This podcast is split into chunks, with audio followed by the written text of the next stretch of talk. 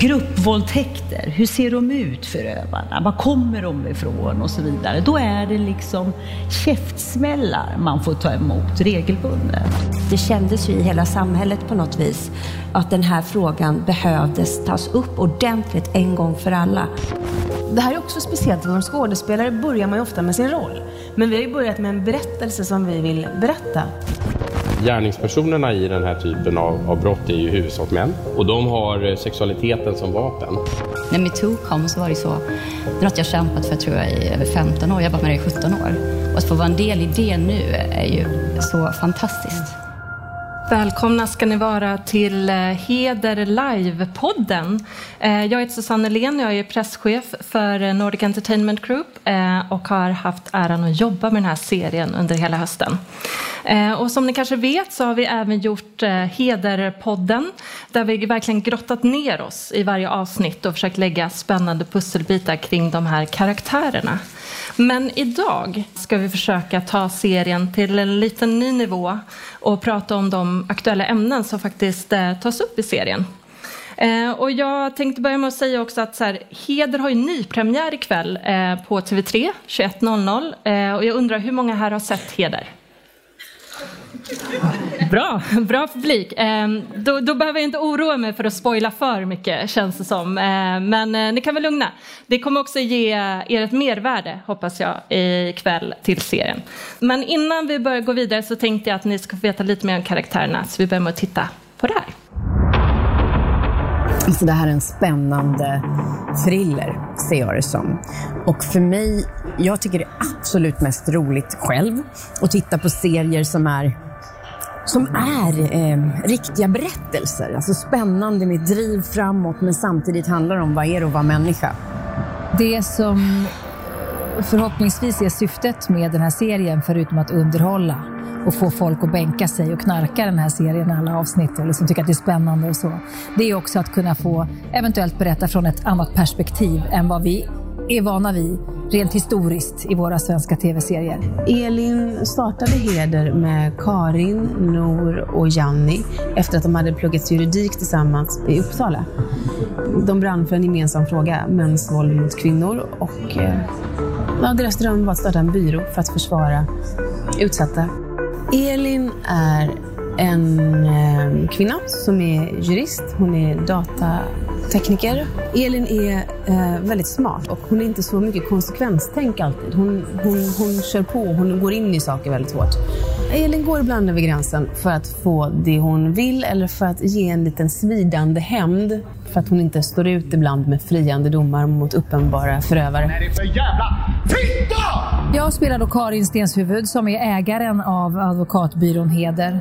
Hon är liksom bossen, men hon är det bland annat för att hennes mamma är ägare av Stenshuvuds advokatbyrå. Så det här är liksom en liten filial. Och hon har alltså dubbla lojaliteter gentemot mamman och de stora ägarna och då sina systrar på Heders advokatbyrå. Som drar åt ett håll och morsan åt ett håll och så står Karin i mitten. Janni är den här kvartettens doer och hon räds inte det fysiska. Och hon är den i den här kvartetten som har mycket kontakter eh, på gatan och som tar sig dit också.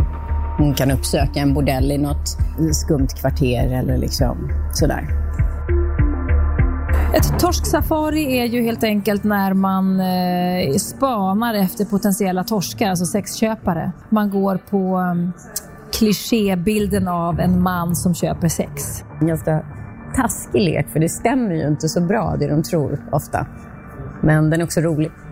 Man ska se på den här serien, förutom att man ska bli road och tycka att det är spännande och läskigt att bli engagerad och um, få en större förståelse för sin samtid och uh, vilja bli en bättre människa och slåss för det goda. Så måste man också se den, för om man inte ser den, då hamnar man helt efter socialt. För alla kommer att prata om den här serien. Så är det med det. Ja, ni hör ju, man vill ju inte komma helt efter socialt, eller hur? Så det är klart att vi vill snacka ännu mer om den här serien. Och vad är en bättre start än att börja med eh, kvinnan som faktiskt står bakom hela idén till Heder, Sofia Helin och advokaten Elisabeth Massi Fritz. Välkomna upp på scen.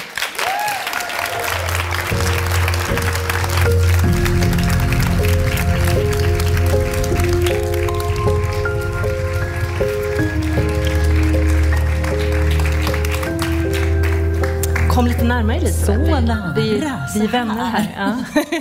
Ja. eh, Sofia, du står bakom idén till Heder. Ja. Berätta hur den kom till dig. Jo, jag började lyssna på intervjuer om, eh, av Mats, Elisabeth Massi Fritz här och blev väldigt fascinerad över din historia och ditt engagemang och hur hängivet du jobbar.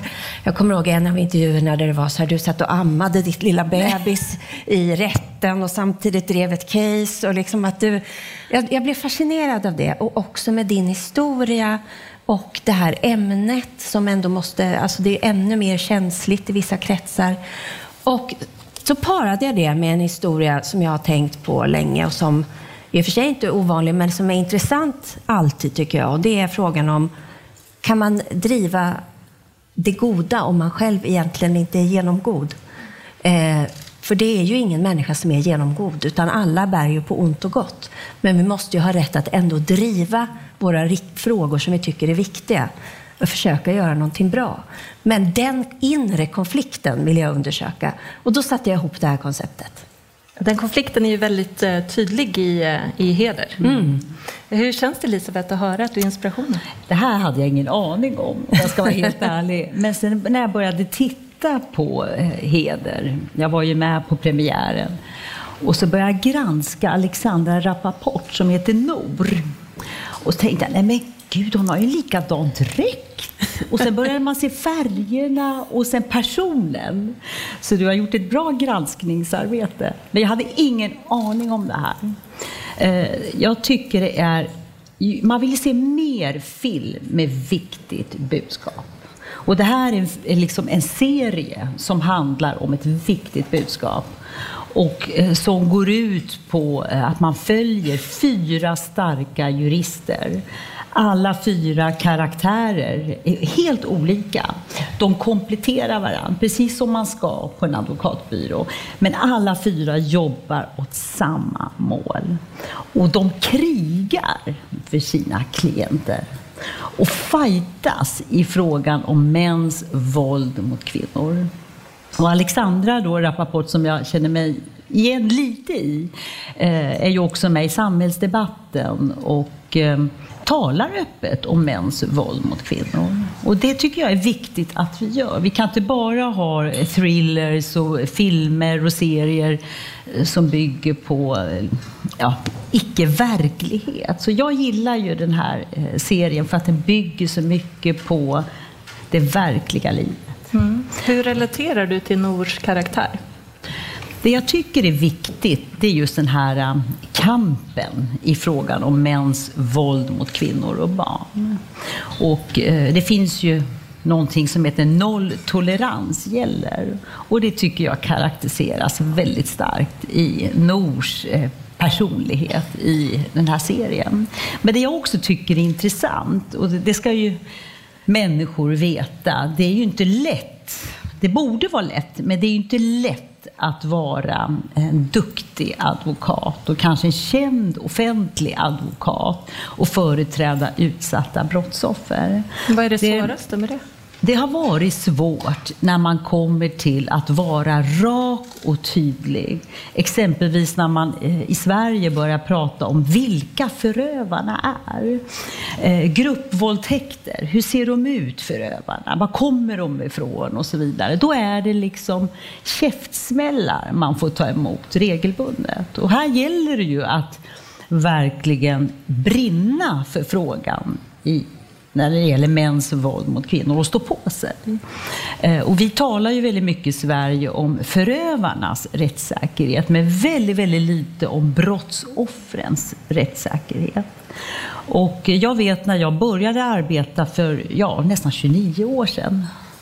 Då var det ju en jättestor skillnad på att vara målsägande beträde. Så jag tillsammans med många andra advokatkollegor och också ideella organisationer har ju varit med och påverkat och förändrat synen på brottsoffrens advokat. Och eh, vi tog nog eh, ja, brottsofferfrågorna på största allvar redan från början och slog ner som en blixt, är det många som har kallat då, mitt arbete. där man företräder och kanske också försvarar den som är utsatt för brott. Om man tittar på heder då så är ju de här fyra huvudkaraktärerna väldigt utsatta också mm. i sina roller som advokater. Har du själv någon relation till det att bli utsatt för någonting liknande? Ja, herregud. Man blir ju utsatt var och varannan dag. På vilket gäller, sätt? Ja, på många olika sätt. Först när jag började arbeta, lagen om målsägande beträde kom ju 88. När man började arbeta fick man ju inte riktigt respekt i rättssalen. Då kunde domaren till och med hoppa över dig som brottsoffrens advokat och utgå från att vi hade inga frågor att ställa. Och då var det ju att man var ju tvungen att säga till herr ordförande eller fru ordförande, jag har faktiskt frågor som jag vill ställa. Och sen det här som man säger i eh, serien om att man sitter på tösabänkens sida. Och det känner jag ju också igen. Att försvarare som oftast är manliga och målsägande beträden som oftast är kvinnliga eh, behandlas lite olika. Och det handlar ju om att man inte tar frågan eh, som rör brottsoffer på allvar. Och jag har ju velat lyfta eh, brottsofferfrågorna i många år. Dels i hedersbrott. Jag har haft många hedersmord och eh, hedersutsatta eh, offer som jag har företrätt genom åren. Och sen har vi alla sexualbrott. Mm. Eh, gruppvåldtäkter mm. till eh, enskilda våldtäkter och våldtäkter som också riktar sig mot barn. Mm flera av de ämnena tas ju upp också i mm. serien. Sofia, vad är det viktigaste du vill förmedla med heder? Eh, dels det jag talade om tidigare, att eh, eh, den så att säga rättigheten att få kämpa för en god sak, trots att man inte själv är genomgod. Men sen ville jag, det här var ju innan metoo exploderade, som jag fick den här idén och då var ju liksom det här pyrde det kändes ju i hela samhället på något vis, eh, att den här frågan behövdes tas upp ordentligt en gång för alla. Eh, så därför så var jag helt enkelt inspirerad till att vara med och berätta en historia som tog upp det här ämnet. Hur mycket är hämtat från egna erfarenheter för dig? Eh, ingenting, kan jag säga. Eh, det är allt fantasi, men eh, mycket erfarenhet av att vara kvinna i den här mm. världen, det har jag ju. Mm. Du är med skapade idén men du är exekutiv producent för Heder, men du har inte en av rollerna. Hur Nej. kommer det sig? Det kommer sig av att eh, vi drog ihop det här gänget och eh, då så var det ju så att Birgitta och eh, Rickard som är regissören och Alexandra hade jobbat jättebra ihop förut och eh, jag hade jobbat mycket med Anja och Julia förut och jag, det märktes att den här konstellationen funkade superbra och det var i rull och jag hade väldigt mycket annat för mig så att det fick rulla på helt enkelt. Mm. Hur ser du på den här rörelsen som kom då sen efter din idé med till exempel tystnad tagning? Det har ju varit bland det största jag varit med om i mitt liv och jag tror i många kvinnors liv. Ehm, och det har förändrat agendan eh, totalt, som jag ser det. Märks det? Eh, det märks eh, därför att det finns ett, en lyssning som inte fanns tidigare. Och, men det finns fortfarande väldigt mycket kvar att göra. Jag läste idag Eh, en förfärlig eh, artikel om en kvinna som har blivit utsatt för en gruppvåldtäkt i, tror jag, Rinkeby eller Tensta, som, där killarna blev friade därför att hon orkade inte sitta i rätten och en gång till berätta om det här fruktansvärda hon har varit med om. Trots att det fanns sperma från två killar på kvinnan, eh, trots att det fanns en person från T-banan som hade sett och hört hur uppriven och förstörd hon var efter det här, så kunde man inte döma. Och där tänker jag att där måste ju rättssystemet förändras så att en kvinna eller person som har varit utsatt för ett sånt där fruktansvärt brott ska inte behöva sitta och upprepa det här gång på gång på gång. En gång ska räcka, that's it. Tror du att en, en tv-serie som lyfter de här ämnena kan hjälpa till i den debatten? Förhoppningsvis, och förhoppningsvis inspirera till att berätta mer historier som är angelägna. Mm. Eh, jag tror att många bäckar små. Elisabeths arbete är naturligtvis ännu större och mer genomslagskraftigt. Men eh, jag ser ingen anledning till att vara i det här yrket om vi inte ska syssla med historier som handlar om något. Mm. Har du själv blivit utsatt på något sätt som du hade kunnat ta med dig i tystnadtagning, historier och berätta i det sammanhanget? Eh, som sagt, jag är kvinna eh, och jag har levt 47 år. Det säger väl allt, eller vad säger ni? Mm. Eh, ställ frågan till dig då Elisabeth. Vad tror du att den här serien kan göra för skillnad? Just, vi sitter ju här idag och diskuterar mäns våld mot kvinnor och barn. Och jag tror att det är viktigt med att ha ett hållbart budskap. Och budskapet är ju tydligt i den här serien, så den tycker jag är fantastisk. Det är därför jag valde att börja titta på serien. Jag brukar aldrig hinna titta på serier, men jag har plöjt dem. Och i helgen kallade till och med min man mig för Nor. Jag sa det, det var lite komiskt. Skojade sådär, lite glimten i ögat. Men ett budskap som är verkligt som går ut på att lyfta viktiga samhällsfrågor. Det är ju information och kunskap. Så nu säsong två så skulle jag ju vilja se lite mer, hur fungerar det i rättssalen? Jag sa det till Alexandra här, se nu till att vi får fånga upp det i säsong två. Kommer in som expert då? Ja, jättegärna. Ja. Absolut. En, en, fråga som lyfts väldigt mycket i Heder genomgående och en, mm. en konflikt och komplexitet som Sofia var inne på här, det är ju frågan som väcks, vem är offer och vem är förövare? Eh, och den frågan ställs verkligen på sin spets också i kölvattnet efter metoo. Mm. Hur ser du på den frågan? Ja, offer är ju faktiskt den som är utsatt för brott. Men den som är utsatt för brott kan också bli misstänkt för brott. Ett sådant exempel har vi i Cissi Wallin-ärendet som jag tycker personligen är fruktansvärt. Det är min personliga åsikt. I USA har man möjlighet att uttala sig om sina upplevelser. I Sverige får man inte det, för då kan man begå ett brott som förtal. Eh, så här har vi ju offer och förövare eh, när det egentligen handlar om en person som har varit utsatt för ett fruktansvärt brott. Eh, förövare är ju den som är misstänkt för ett brott och i ett rättssamhälle så måste det ju finnas övertygande bevis, annars fälls man ju inte. Därmed betyder ju inte det att ett brott inte är begånget, bara för att det inte finns tillräckligt med bevisning. Men pratar vi rättssäkerhet och juridik, då, då är det ju så att eh, då, då finns inget brott som är begånget. Medan sanningen kan ju faktiskt se lite annorlunda ut. Vi har ju ett offer, en berättelse, ett trauma. Så att det är lite klurigt. Och det är där du menar att det fruktansvärda är att man kan gå från offer till misstänkt? Ja, det kan man. Mm. Jo, men jag tycker att det har varit eh, att media har ett ansvar att, att eh, nyansera sin rapportering. Eh, därför att det har varit väldigt mycket väldigt synd om vissa män som har blivit ut, uthängda. Samtidigt som uthängningarna har varit vidriga från tidningarnas sida. Så där tycker jag att de har ett ansvar att ta, mm. den här frågan på allvar mm. och börja rapportera nyanserat mm. och sakligt. Mm. Om ni skulle vilja förmedla ett budskap då eh, den här kvällen, vad skulle det vara? Ja, det kan mm. jag säga till media.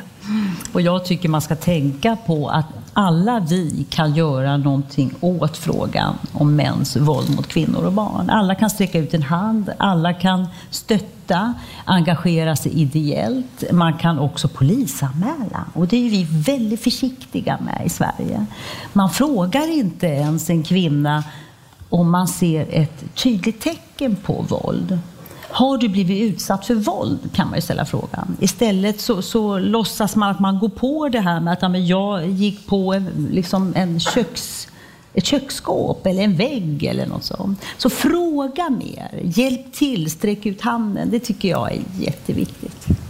Tusen tack. Mm. Tack så hemskt mycket Elisabeth för att du kom hit. Sofia, sitt gärna kvar en stund. Tack så jättemycket. En applåd för Elisabeth Massi Eh, ja, Sofia Helin kom då med idén till Heder som sedan vidareutvecklades av eh, tre multibegåvade kvinnor eh, som står både som skådespelare och exekutiva producenter för eh, Heder. Eh, ni känner säkert igen dem som Nor, Elin och Janni. Eh, jag välkomnar på scenen Anja Lundqvist, Alexandra Rappaport och Julia Duvenius.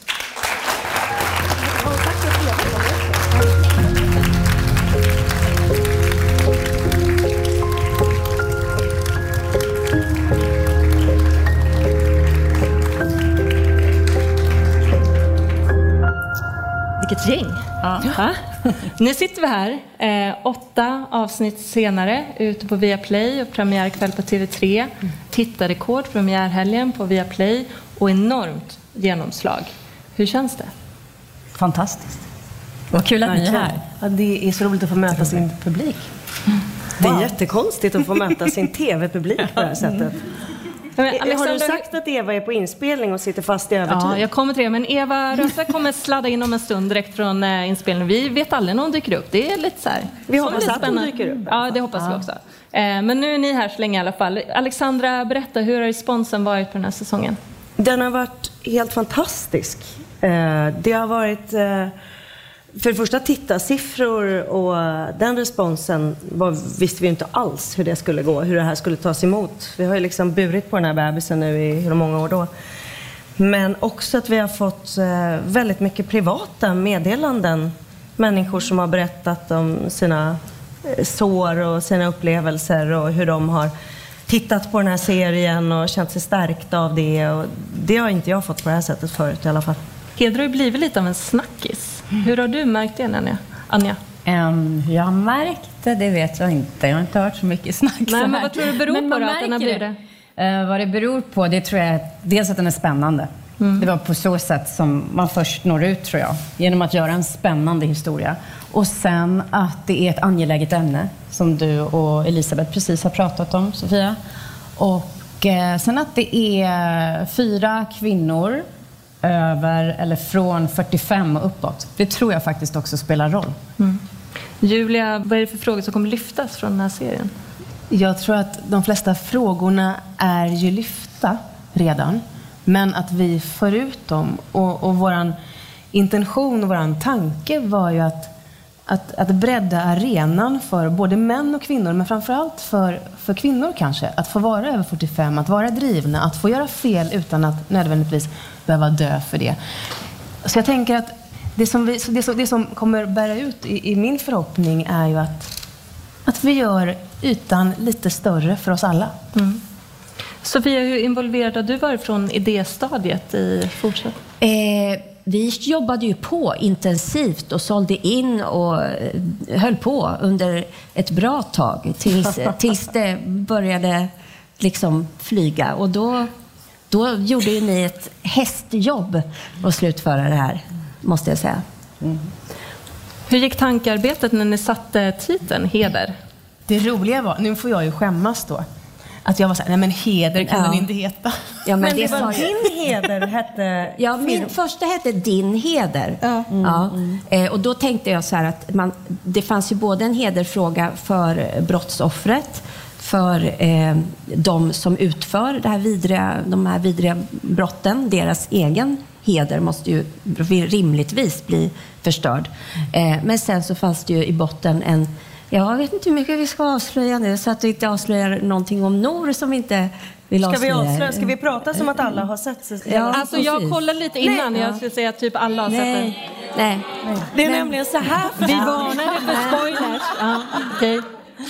Nej men alltså att, nej men all, det finns i alla fall Många fler, vinklar. ännu fler anledningar till att den heter Heder. Och sen, ja men absolut, och det som vi inte vill säga då. Nej, det är ju de här precis. fyra Det är det som karaktärernas hände. heder det handlar om också. Ja. Men Julia, har varför ville du inte att den skulle heta Jag Heder? tänkte såhär, vad säger det och inte det lite tunt? Och jag får ju fått revidera det totalt. De flesta som man pratar med säger, gud vilken bra titel och jag håller ju med. Så att jag får ju sitta här nu och bara, trögast i klassen, det var jag. Va, men vad har heder betytt för er? Jättemycket. Att vi har kommit eh, nära det kreativa arbetet. Att, vi har fått lära oss otroligt mycket. Både av Jonas Trolle och juridikvärlden Silvia och Elisabeth har vi ju följt länge. De kommer senare. Så. Ja. Eh, och eh, det har varit en kunskapsresa och en resa tillsammans i hur, hur man skapar spänning av ett tungt ämne utan att hänga ut någon. Det, det har varit ett stort reflekterande arbete. Och att i efterarbetet också, och nu, det här är ju också en del av efterarbetet, att vi sitter här och sådär, att få göra någonting och, och kunna gå tillbaka nu och få göra en säsong två, som vi kommer att få göra. Att se, vad, vad gjorde vi? Och vad, har vi gjort, vad tycker vi som skapare liksom har varit mindre bra i serien? Vad vill vi göra ännu bättre? Och att få, få chans att förhoppningsvis toppa det här och få fortsätta vara de som producerar och gör. Precis som jag tänkte på, så här, jag och Eva Röse satt på flyget när vi skulle till London, då du också var med och, och eh, söka pengar. Vad var det vi skulle göra? Innan sälja. Marknadsföra och sälja och liksom sådär. Långt innan vi började spela in bara. Så sa Eva, fan det här måste ju bli bra Anja. Annars kommer ju vi liksom, nu måste vi, annars kommer vi inte få göra något mer. Så, så började vi prata och så sa vi det, men vad fasen, ska inte vi ta det här som Felix Herngren och de gör? Som, som började och har gjort både bra saker, dåliga saker, sämre, skitbra, publiksuccé och mindre succé. Att bara få fortsätta jobba och fortsätta utvecklas och bara fortsätta göra olika saker ihop och bli bättre och bättre och bättre. Och det är det som är helt nytt för vår generation i alla fall. Jag tror att kanske ni unga tjejer i publiken, ni, ni känner mer att ja, men det där gör vi väl hela tiden. Jag vet inte. Men, men för oss mm. Vet ni, jag ska berätta en grej. Mm. Eh, när vi var, jag var på MIPCOM, heter en stor säljgroka eh, för TV-mässa i, i Cannes så var jag där långt när vi precis hade börjat och jag, var, jag och Birgitta Wenström som är producent, vi började berätta om det här och jag berättade om det för en massa tyska eh, filmherrar, sådana som bestämmer i tysk tv-industri. Mm. Och när jag berättade det här, att jag skulle göra det här, att vi skulle göra det här tillsammans, fyra skådespelerskor, de skrattade åt mig. De, de, ja, de skrattade. Därför att det är så o... Ja, men det är så otänk... det har varit så otänkbart. I Tyskland är ju ett, ett, ett lite efterblivet land vad det gäller feminism. Men det, det har varit så otänkbart att eh, skådespelerskor ska ta initiativ och driva och det sker ju över hela världen nu eh, samtidigt. Så att det är som att vi är en gemensam andning. Eh, alla killar och tjejer, är, vi är alla i en gemensam andning där vi vill ha något nytt. Vi vill ha ett nytt sätt att, att vara på. Mm. Det och det vill uppenbarligen publiken också med tanke mm. på vilken publiksuccé det har varit. Men för att använda Eva Röses uttryck nu, mäktet. Mm. Alltså känner ni mäktet nu när ni sitter där med er bebis inför den här publiken? Och... Men då måste jag berätta en grej också. Ja, ja. Nej, men då måste jag berätta om Eva. Nej, men nu måste jag berätta. För det, när vi skulle gå upp och läsa alla vittnesmål på Södra Teatern eh, alla makthavare var där. Eh, Victoria och eh, Silvia var där. Kulturministern, you name it. Alla var där. Och så hade jag kommit dit och alla höll på att förbereda sig. Så kom Eva Röse bakom och så hör jag bara att hon skriker så här. Hallå brudar, känner ni mäktet? Skrek hon och alla bara ja! Sen var det mäktet. Sen dess. Mm. Ja, vi känner mäktet. Ja. Makalöst häftigt. Eh, jag undrar om Eva Röse är på plats? Vi har liksom ingen aning. Vi undrar, kommer hon vara Maria Wern? Eller kommer har du fått något svar på telefonen? Ja, okay. Nej, vi har smsat och hållit på, men vi vet eh, inte. Hon är fortfarande fast. Så jag låter Sofia ringa kvar lite Jo, till. jag pratar. Ja, du, du, du får ju så många idéer som kommer till dig. Eh, vi väntar lite på Eva helt enkelt, så det som händer. Eh, jag skulle fråga dig Julia, hur såg liksom castingen ut för de här hederkvinnorna? Var det givet att ni skulle ha de här karaktärerna? Nej, absolut inte. Jo, Nor var ganska givet. Ja, du, jag hade en roll från Man kan första se att du är början. typecastad lite grann. Ja. Ja. Du, du hade en roll. Alexandra hade en roll. Vi andra hade inte det. Eh, och vi har ju slängt om de här rollerna lite då och då. Och det, har ju, det här är också speciellt. Som skådespelare börjar man ju ofta med sin roll. Men vi har ju börjat med en berättelse som vi vill berätta. Så vi har slängt om rollerna lite allt eftersom. Nu kommer vi inte ändra roller igen såklart. Inför säsong två kommer jag inte att spela någon annan roll. Det Men roligt. det är väldigt befriande. För vi håller ju på med något, eh, några, lite andra projekt också. Och där att det är lite så här, men vad vill vi berätta? Men nu vill vi berätta den här berättelsen. Skitsamma vem som gör den. Nu gör vi bara den här berättelsen. Och det är väldigt befriande. Det är också väldigt annorlunda. Det, det får jag höra från andra branschkollegor som inte varit inblandade. Att det är så här, "Ah, nu slåss väl alla för sin plats och sin roll. Och vi var så här när vi kom ut på golvet. För vi har ju liksom byggt historia, eh, historien tillsammans och pusselbitarna och plotten och hur ska det hänga ihop och hur ska vi få ihop det. Och, men, eh, vi har som sagt bytt roller mellan oss, inte jag då. Men det var, har verkligen inte varit ett arbete där vi har liksom armbågat oss för våran plats som skådespelare. Till och med nästan för lite, så när vi kom på, in, eh, kom på, på inspelning så var jag så här, jag vet inte vem jag är. Jag ringde, jag ringde ju er allihop och bara, ursäkta men vad har Elin för kläder? Vem är hon? Ser det här bra ut? Hon har rött hår så. Och det hade jag. Ja. Ja. Så att. Men det tycker jag är ganska häftigt också med Heder. Den beskrivs som män som hatar kvinnor möter Sex and the City. Mm. Och Sex and the City mer, tycker jag, i, i att det är väldigt tydligt vilka karaktärerna är i era attribut. Men det Mm. räcker med det. Eh, att Janne till exempel ofta har kostym, Mm. Nor i dräkt, eh, datasnillet Elin med det röda håret och Mm. sen har vi då Eva med starka läppstiftet. De attributen är rätt häftiga för att liksom Mm. sätta i den kontexten. Men sen finns det oerhört djup också i era karaktärer. Alltså det är mycket som är osagt. Mm, eh, mycket som man inte vet, som det snuddas vid. Som, I många serier så är det ganska uttalat. Så här, ja, den här personen är så, lite mer platta, det finns ett djup i de här. Jobbar ni mycket med att hitta det? Oj, absolut. Och vi vill nog borra ännu djupare. Det är svårt när det är fyra eh, huvudkaraktärer också. Oftast är det ju bara en som man behöver lägga djup i och har bikaraktärer till och så vidare. Så det har varit ett jättehårt arbete och vi vill verkligen nå ännu djupare, känner jag. Och det har ju krigat det utrymmet med framåtdrivet. Ja, med thrillern som vi absolut inte vill förlora. Liksom. Nej, alltså det har ju gått så fort man behöver säkerhetsbälte för att hinna med i alla svängar emellanåt känns det som, eller hur? Eh, men det, det, som sagt, väldigt djup i det. Jag vet, Anja, du är nykter alkoholist sedan 19 år tillbaka. Ja. Mm, applåd för den.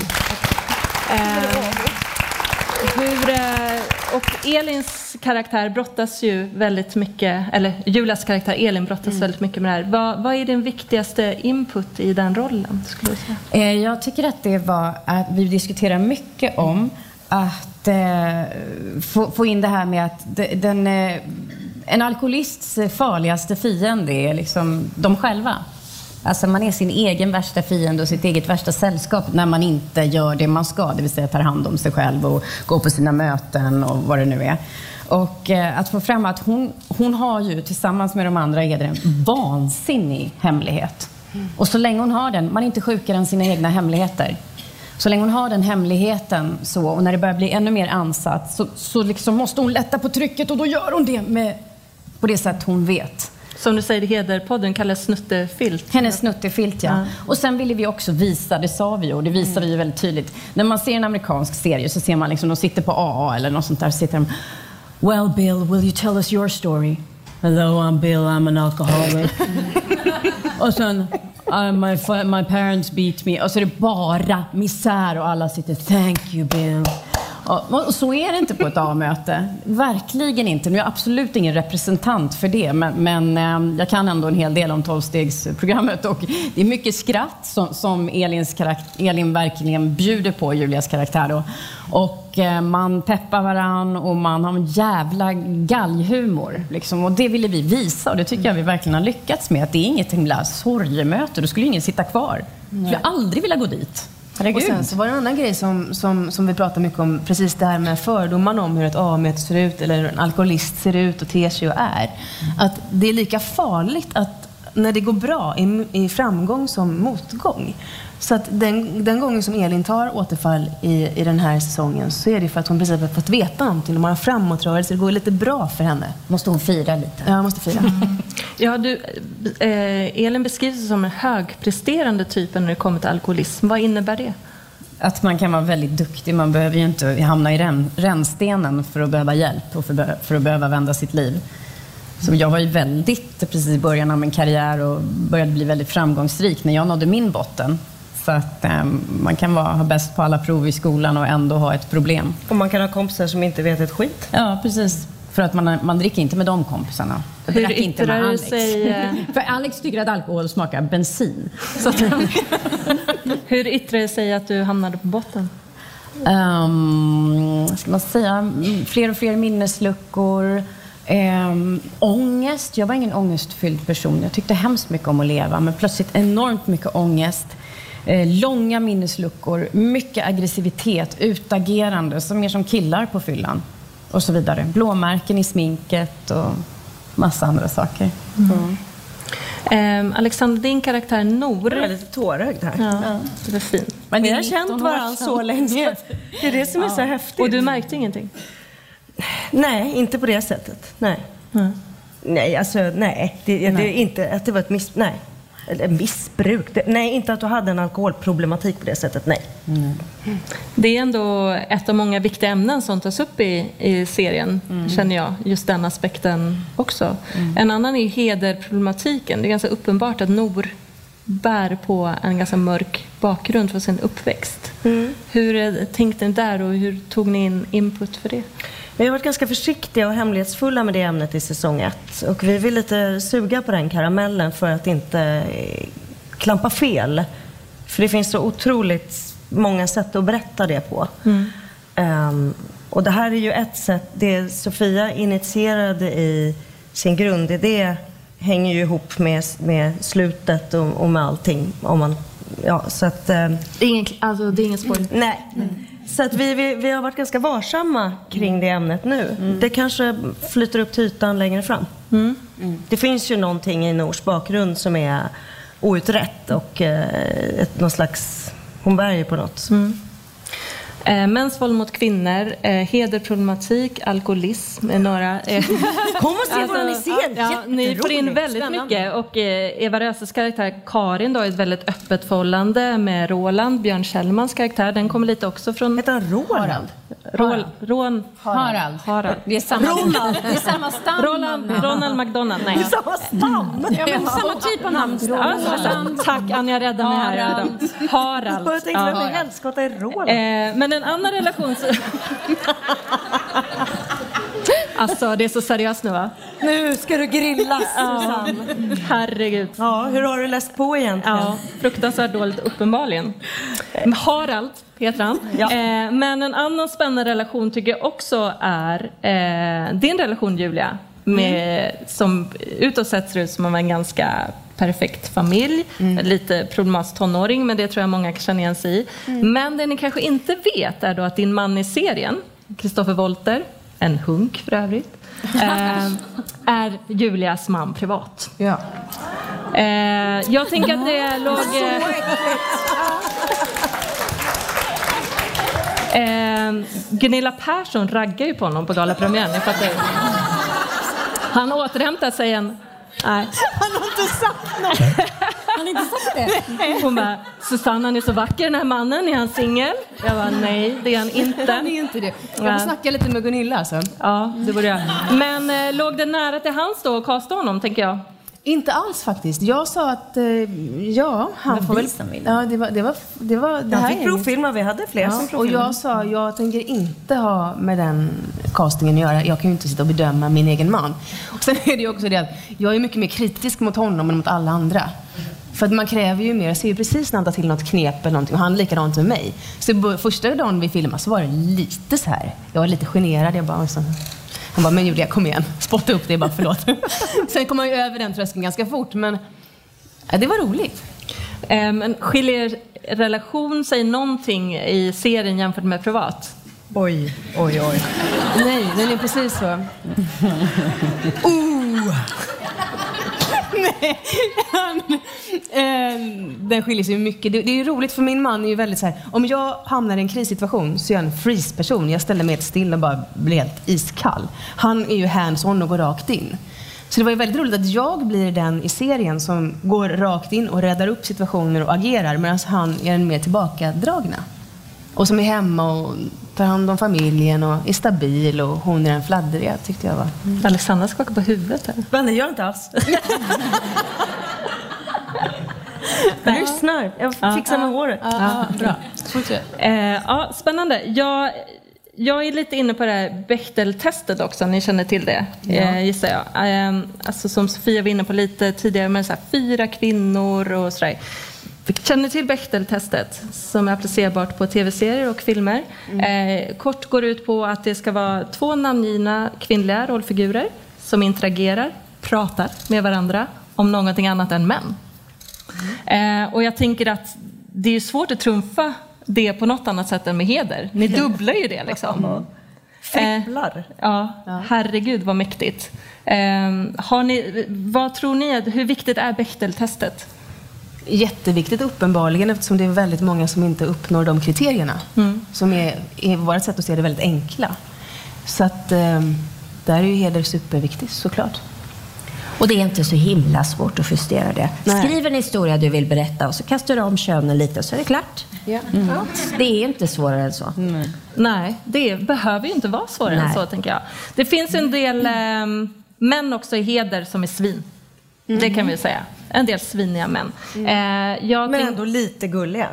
Ja, Nej, Kristoffer är- några av dem är lite gulliga, men Ja. svinen är inte så. Era män är väldigt Ja, gulliga. Matteo är jättegullig. Ja. Eh, några gulliga.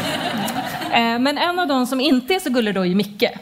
Den här eh, snuten spelad av eh, Fredrik Granberg. Granberg. Tack. Du var lite orolig att jag inte skulle komma ihåg, eller? Harald, Fredde. Eh, Fredde Granberg, eh, som sitter lite på dubbla stolar.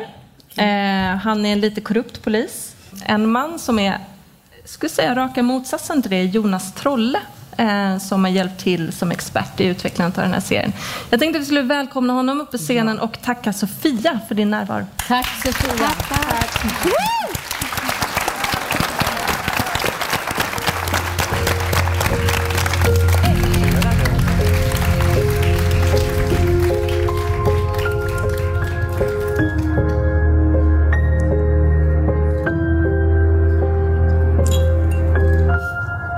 Välkommen Tack så Jonas. mycket. Kan inte du berätta om vem du är? Ja, Jonas Trolle heter jag och jag är polisen eh, över 20 år.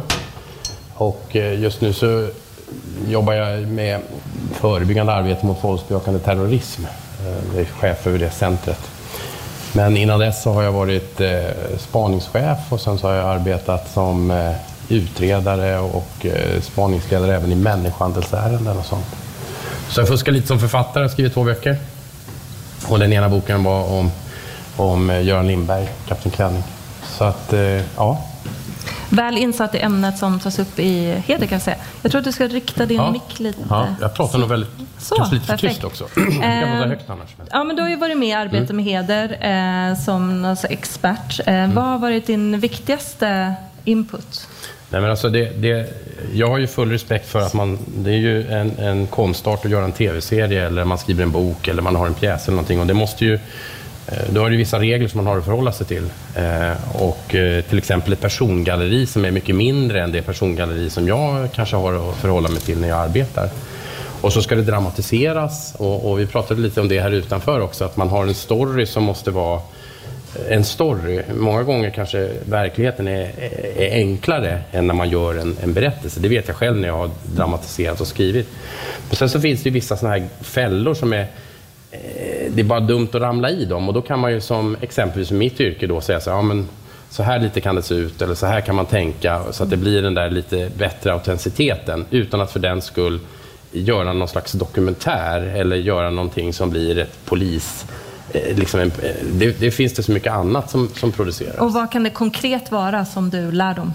Vi hade ju utfrågning Ja, om ni hade ju utfrågning. Alltså, hade ni, ja. Vilket Ja. var väldigt tufft. Det var jättejobbigt tyckte jag. Ja, lite jag mådde väldigt dåligt Ja. efteråt. Alltså inte för att du Nej, var, nej. utan för att det var så, Så jävla otroligt- obehagligt, ja. Ja, det var så mycket obehagligt Ja, som du ja. jobbat med till vardags. Så att jag, ja. jag blev djupt berörd kommer jag ihåg och gick hem väldigt, väldigt Ja. liksom, ah, tungt. Nej, men eh, lite grann är det ju det här att, att man...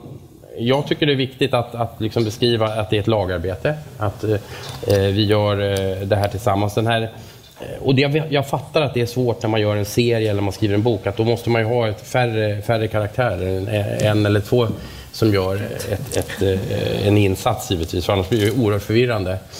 Eh, men sen också det här lite grann att, att eh, bevisvärdering och vad är, vad är bevisning? Vad utgör bevis? Och att man är noga med att, att det är inte bara bara utan man måste ha klart för sig förutsättningarna för hur lagföring ser ut. Och det är bra att veta också att de här gärningspersonerna är gärningspersoner som de är ganska vanliga faktiskt, på ytan.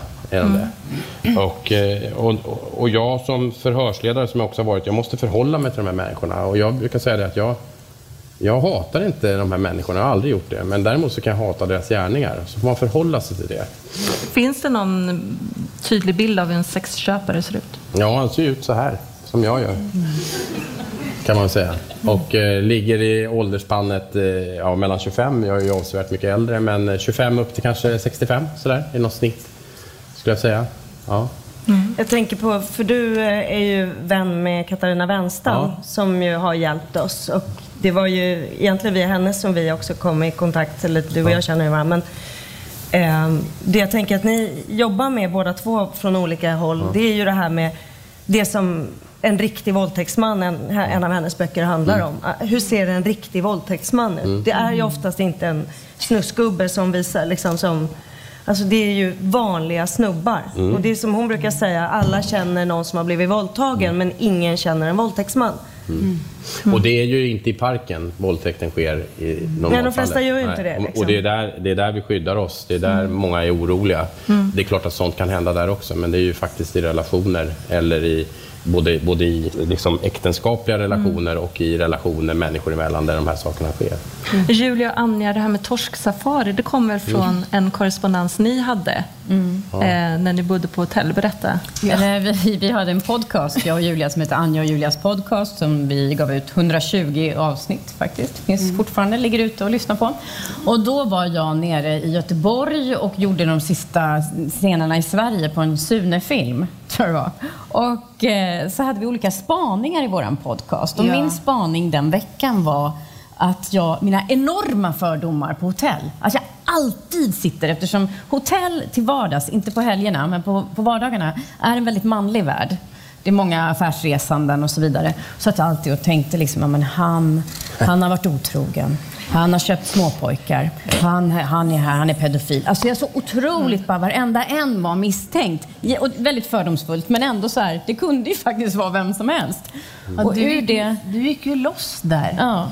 Totalt. Ja. Och då tänkte vi så här, för, för vi, våran podd fick vara väldigt i fred från pressen, så det blev väldigt få frågor. Så tänk, tänker man för ut det här vidare i en tv-serie, fast folk kommer ju hata oss, tänkte vi då. Men ja, då får vi väl bjuda på det då. Att man hatar lite. Och det, det finns ju också en scen i Heder när eh, Sandra åker ut på beställningsjobb med väldigt unga män. Eh, det förändrade lite synen på sexköpare för en som tittar. Alltså, är det vanligt att så unga män köper Nej, sex? men jag skulle säga snitt, om man ska snacka om någon snittålder så är det väl mellan 30 och 50 då, alltså som är mer vanligt. Men det är klart att det är så att det är unga, unga män, unga pojkar och inte minst kanske utomlands också. Att man åker utomlands, det finns ett grupptryck och eh, en, en, en sån... Det, det existerar absolut, det gör det. Ehm, och, men de har nog också en annan bild av vad det är de gör och de kanske inte gör det längre fram. Några gör ju det såklart, men, men, men det, det finns ju dimensioner där av, av, av grupptryck och någon slags gemensam upphetsning över någonting som, som, eh, som gör att det liksom, man rycks med i det där. Mm, Man märkte att det var en, en kille som inte riktigt ville... Ja. Nej. Men, men det kanske inte är normalfallet, om man säger så. Matteo-karaktären i Heder Ja. hette ju Trolle på manusstadiet väldigt Ja, länge. Det vet det inte Det var du. som är Ja. förebilden. Han har ju bättre skäggväxt än jag. Jag har ju inte, har inte det. Liksom. Eh, NEAT-appen då som är genomgående Mm. i, i Heder, finns den på riktigt?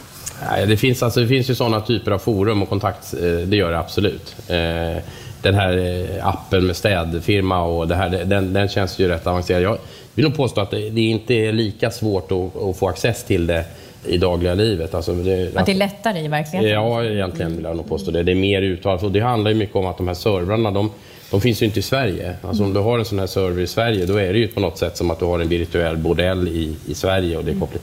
Utan det ligger ju liksom på servrar utomlands. Och det är svårare att komma åt, eh, givetvis. Eh, men nätet, precis som tidigare var det gatuprostitution, så är ju, men, men nätet är ju en, eh, det är en arena som vilken arena som helst.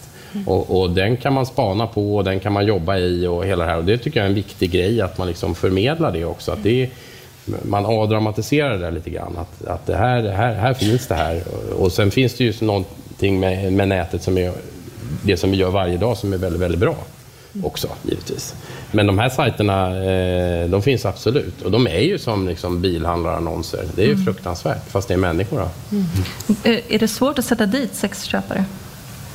Nej, alltså, alltså brottet i sig är ju ett brott som är relativt lätt bevisat, vill jag nog påstå. Så. Och det är ju också ett brott som inte har så mycket i straffskalan.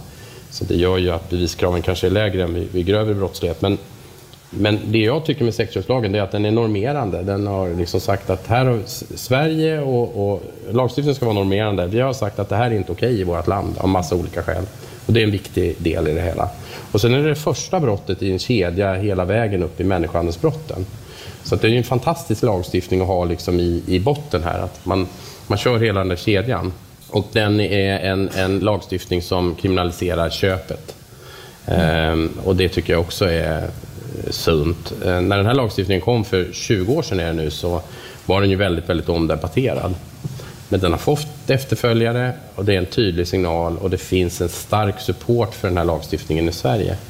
Och det tycker jag vi ska vara stolta över. Om man jämför med hur Stockholm ser ut med exempelvis i Barcelona då, som är ungefär lika stort när det gäller Storstockholm. Då, finns det 15 000 människor i prostitution. Och om man går ut och räknar här ikväll då på nätet och kanske ute så du kommer inte ens upp i 300. Och det är samma befolkning. Jag säger inte att det bara är på grund av sexköpslagen. Det har också kanske med traditioner och sånt att göra. Men det är, det är inte bara nattsvart. Nej, och det ska vi säga att det är väldigt många länder som inte har en sexköpslag. Ja, de flesta har inte det. Nej. Det är jag nyfiken på för att det pratas ju om, det finns ju andra länder som vill göra remakes på våran serie. Men vi är ju ganska unika i våran lagstiftning och hur vi arbetar och att det är liksom, att vi är så långt fram i, i den utvecklingen. Så jag, jag har ingen aning om hur de skulle göra det här. När man gör man en remake då så sitter man i ett annat land är man här, vad pratar de om? Vad är... Ja, vadå, vad är det för problem? Låt killarna vara. Eh, Men eh, Anja berättar då i Heder-podden eh, att det fanns en polis som var med under arbetet som nästan utvecklade en slags skam över manligheten och Mm. kom i kontakt med förövarna. Mm. Är det du? Ja, det är jag. Ja, berätta. Nej, men alltså så här ligger det till. Att om man jobbar med, jag jobbade med det här på heltid i sex år. Jag slutade 2010. Det börjar bli rätt länge sedan nu. Mellan 2004 och 2010. Sen har jag jobbat med utbildning i den här typen av brott parallellt med att jag har gjort andra jobb inom polisen. Men det är ju så här att, att gärningspersonerna i den här typen av, av brott är ju i huvudsak män. Och de har eh, sexualiteten som vapen. Alltså de, de, uttrycksmedlet är sexualiteten och så är de män. Eh, och jag är ju man och jag är en sexuell varelse. Och om man då tittar då utifrån, om man då hela tiden matas med det här så blir du ju väldigt lätt desillusionerad och så börjar du också fundera över vad är jag i förhållande till en partner, en fru, eh, de jag har träffat tidigare i livet och vad är, alltså jag börjar ju känna och jag har även andra kollegor och, eh, som jag har jobbat med, Eh, att man börjar fundera väldigt mycket över eh, över sin egen roll och sitt eget beteende och också bli störd av det. Du blir liksom, det rubbar cirklarna ganska hårt. Och det där har jag haft i, i bitvis lite jobbigt med. Eh, det är lättare på något vis. Sen efter det där, då började jag jobba mycket med grova våldsbrott som handlar om rån och mord och mordförsök och det här som vi har med gängskjutningar nu och det. Och det, är mycket, det är mycket lättare att hålla ifrån sig. För att de gör ju någonting som som inte är en del av oss andra, men sexualiteten är en del av oss andra. Men man använder sexualitet som ett uttrycksmedel att utöva våld. Och det där tyckte jag, och det, det där har jag försökt att fundera väldigt mycket på. Och också haft bitvis eh, rätt jobbigt med och tyckt, känt liksom en, en, en skam och skuldkänsla över. Men är inte det också att liksom, det, är det, det är det finaste som kan hända en människa Mm. som kan bli det värsta också? Ja, och det är också en paradox. Väldigt, Ja. väldigt, väldigt sårbart hos oss människor som kan bli det, det hårdaste förtrycket eller det, sånt maktmedel Mm. där man gör illa en annan människa. Det, det måste vara, Mm. Där måste det också vara någon slags brytpunkt som gör jävligt ont. Mm. Eller jag tycker att den gör ont. Den brytpunkten Ja, i det, alla det fall. är oerhört paradoxalt alltså det, Mm. hela det här. Hur har du bearbetat det då? Kom det per automatik att du gick ifrån den typen av brott eller?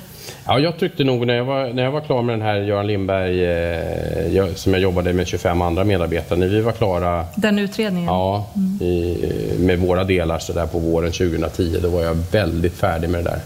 Och då, då blev jag tillfrågad om jag eh, ville vikariera som rotelchef på bedrägeriroten ett halvår och det, det var väldigt skönt. Där går man i chinos och skjorta.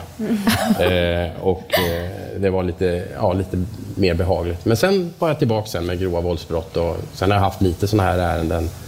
Så, men jag, jag tyckte det var bra att göra den breaken faktiskt. Mm. Det, det tyckte jag. Jag gjorde de där åren. Sen har jag skrivit om det, jag har undervisat om det. Så jag drar mitt strå till stacken så, men jag skulle nog inte vilja göra det igen. Det tror jag. inte. Nej, om vi går då från verklighet till fiktion, vad, vad tycker du om Heder? Ja, men jag tycker att det är, det är en bra serie. Eh, den, är ju, den är ju spännande och, och, och sen är den ju den är ju lite tvistad. Jag är ju lite bekymrad över, jag ska inte berätta här nu eh, om handlingen så, men det finns ju några moment i den här som jag tänker att, åh fan också, ska det bli så där? Hur ska de reda ut det här? De, de har ju eh, bitvis ett, eh, vad ska man säga, de trampar ju runt i klaveret lite grann. Det får man ju säga. Ja, men ni är ju lite dråpliga. Det brukar du komma in på Julia. Ja, men lite. Ja. Jag tänker så här, ja, men vad fasen, kunde de inte... Gjort lite Det är bättre. ett samtal bort liksom, så hade ni ju löst vissa saker. Ja. Förlåt. Men ni snurrar upp det. Men jag fattar ju att ni måste göra det. Det är ju det som är så... Det är ju det, utan att säga då. Fattar det gåtor Men, nu, ja, men jag tror ni fattar precis vad jag menar. fattar men det, menar, fiction. Ja. Men det, det finns ju några scener vi som har sett eh, Heder då, eh, att, där ni klantar till det ganska rejält. Eh, Och så gör ju man ju absolut inte annars. nej, men de är ju inte poliser. Du. nej, utan man är ju mycket mer eh, iskall såklart. Ja, eh, såklart. och skulle aldrig bjuda sig själv på den. Men vi var nog tvungna att bryta, bryta det, just på grund av det du säger, att vi är inte poliser. Nej, det är Hade det här varit poliser som i till exempel den här Unbelievable, inga andra jämförelser för den, den är berättad på ett helt annat sätt. Eh, men, men eh, där är det ju två poliser som det handlar om, som letar och jagar våldtäktsmän och så vidare. Vår, eh, den här rollen, yrkesrollen, är mycket mer passiv. Ju, så vi var tvungna att, att verkligen göra dem inte så himla, ehm, vad säger man? Ja, men det är inte alltid, rumsrena. inte alltid genom Nej. perfekta. Nej, nej, precis. Det är till det. lite twistar. ja, men sen har vi ju en grej till som, det är ju det här som Anja faktiskt döpte till det rullande bowlingklotet. Det vill säga deras backstory, vad det är de har varit med om. Och det var bra att ha det som en, en eh, som en... eh, Spännbåge. Ja, Ja, som men en den går ju som ett tema genom Ja, hela... för ja. att trycka på angelägenheten Mm, mm, ännu ja, mer ja. och den här eh, dynamiken i att, att liksom, ska jag gå över de här gränserna eller inte? Ska jag? Fast jag måste forcera. Och de kan inte gå till polisen för det som har hänt tidigare, men de måste ta reda på för att också skapa eh, framåtrörelse i eh, i serien, Mm. i plotten. Det var det vi satt, det var faktiskt det vi mest satt med jobba, i ja. två år och byggde liksom. Men hur gör man, men varför går de inte till polisen? Men då måste de göra så, men vad, vad händer då? Och, då och, och hur ska man kamouflera vad, hur det egentligen ligger till? Jo, då måste man lägga det och linda in det där och så att de tror att det är det här. Alltså vi höll på med det här pusslet Jättemycket. så mycket. Och sen så var det också det här, vi, vi ville ju att de här kvinnorna skulle få göra fel, att inte Ja. vara perfekta. Nej. Som, som jag själv blir i en krissituation. Jag handlar verkligen inte alltid som jag hade önskat. Alltså absolut inte, tvärtom ibland. Och det, för att vi vill inte göra superhjältinnor, vi vill göra mänskliga Nej, men det är väl, det är, väl- det, och det, jag kan tycka att det är sunt. Eh, eh, men det är väl det som jag då, eh, om det är något som jag känner ibland det skavde lite där. Men det, det blir spännande för er nu, tänker jag. Ja. Men det fanns några tillfällen också där verkligheten överträffat dikten, när ni tror att ni ska göra svincoola actionscener och skada er istället, eller? Ja, så var det ju. Ja, jag kan fortfarande inte gå nästan. Nej, men, nej, men det var ju när vi var i, eh, i Stadsparken i Uppsala. Och det regnade och var blött och vi skulle springa och man var van vid sig själv som man var för tio år sedan. Liksom. Jag springer, sträcker mig. Eva Hon, hon vad kunde nästan inte gå. Hon hade något fel på någon höft. hade ställt rullatorn lite längre bort. Nej, men, eh, och sen så du sträckte Men jag sträckte mig första repetitionen, jag skulle springa svinsnabbt och eh, sträcker mig och kan inte gå. Liksom. Var det inte kallt också? Jo, det var? För Det såg ju jättekallt. Det var väldigt kallt ut. Vi skulle ramla ner i för- åar och så. I och för sig behövde ju inte du bada där Alexandra, det gillar ju För du en gångs annars. skull. Ja. Det får jag göra i Sandhamn Det gör vi vid andra tillfällen. Ja, precis. Nej, men det där med bowlingklotet är också spännande, just vad vi menar med det. Alltså att man, när man gör en, en thrillerhistoria, att man kastar iväg någonting i början. Någonting, vad fan är det de döljer? Och att det är som det här när bowlingklotet eh, rullar mot det här uh, trägolvet som det alltid gör. och brinnande på slutet. Och det var det vi så himla gärna ville skapa, att det alltid skulle mullra. Sen har vi lyckats Och det nästan och Ja, ibland men det inte. det mullrar ju- Men relativt bra i alla fall. Det mullrar ju liksom. mest hela tiden. Tack, det gör det. Och någon som har rullat in som ett litet bowlingklot här också är Eva Röse. Eh, så jag tänkte att vi tackar Jonas Mm, Trolle. tack. Stort tack. Tack. med- Det är ingen som har fått syn på Ska jag gå eh, och så tar jag tillfället i akt att kalla upp eh, två nya kvinnor på scenen tänkte jag. Eva Röse eh, och Silvia Ingolsdotter, eh, advokat. Ska vi se hur vi får plats. Vi börjar med Silvia medan Eva myggar sig själv. Eh, jag tänker att Eva får sitta där sen, så ni kan sitta Eva kan sätta sig där sen. Så ni kan sitta där. sitta och manspreada när hon känner för det. Liksom. När du pratar om lite manliga ha henne? superlativ. Hon miggas på, hon kommer alldeles strax. Eh, Men jag tänkte att vi skulle börja med att välkomna Silvia Ingolsdottir, brottmålsadvokat. Berätta om dig själv.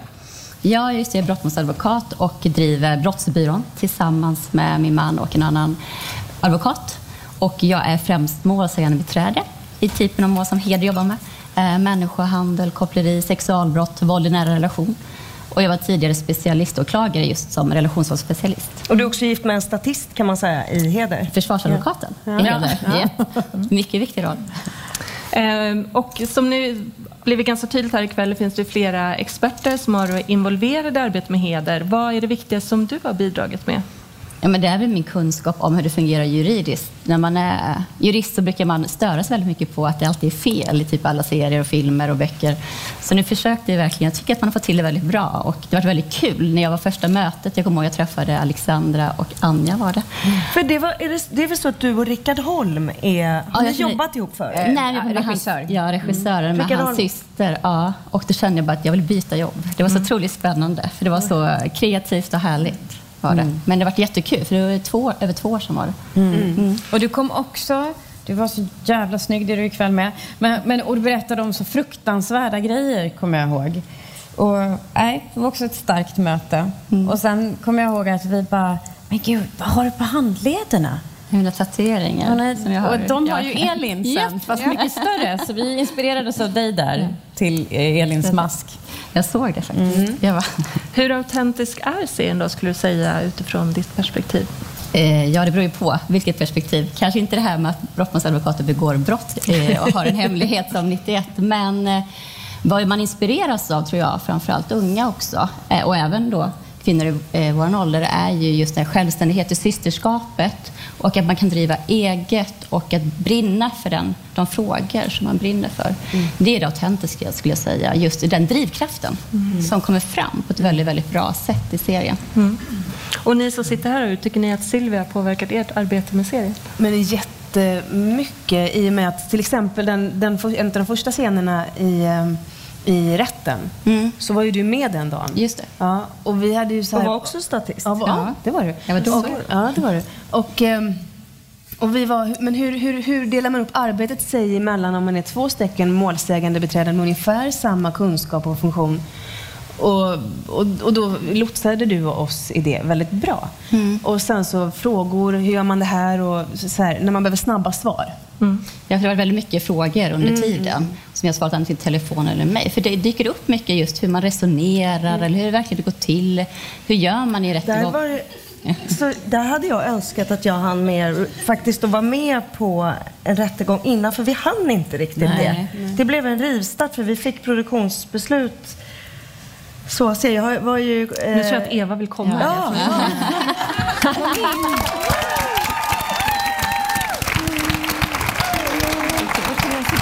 Varför här? Vill du sitta? Hej Eva. Cool, välkommen! Tack. Vi pratar lite om eh, vad för frågor ni har bollat med Silvia under arbetet med heder. Har du någon input där? Nej, det har jag inte. Nej. Tack för att du kom.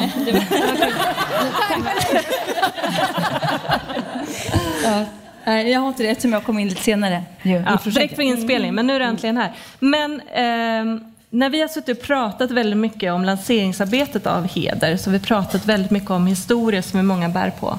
Det finns en scen i Heder eh, där Nor är på väg hem och känner sig förföljd av faktiskt regissören Rickard Holm som spelar den rollen och eh, tar de här nycklarna mellan fingrarna för att skydda sig. Det känner man igen, det har jag själv gjort många gånger.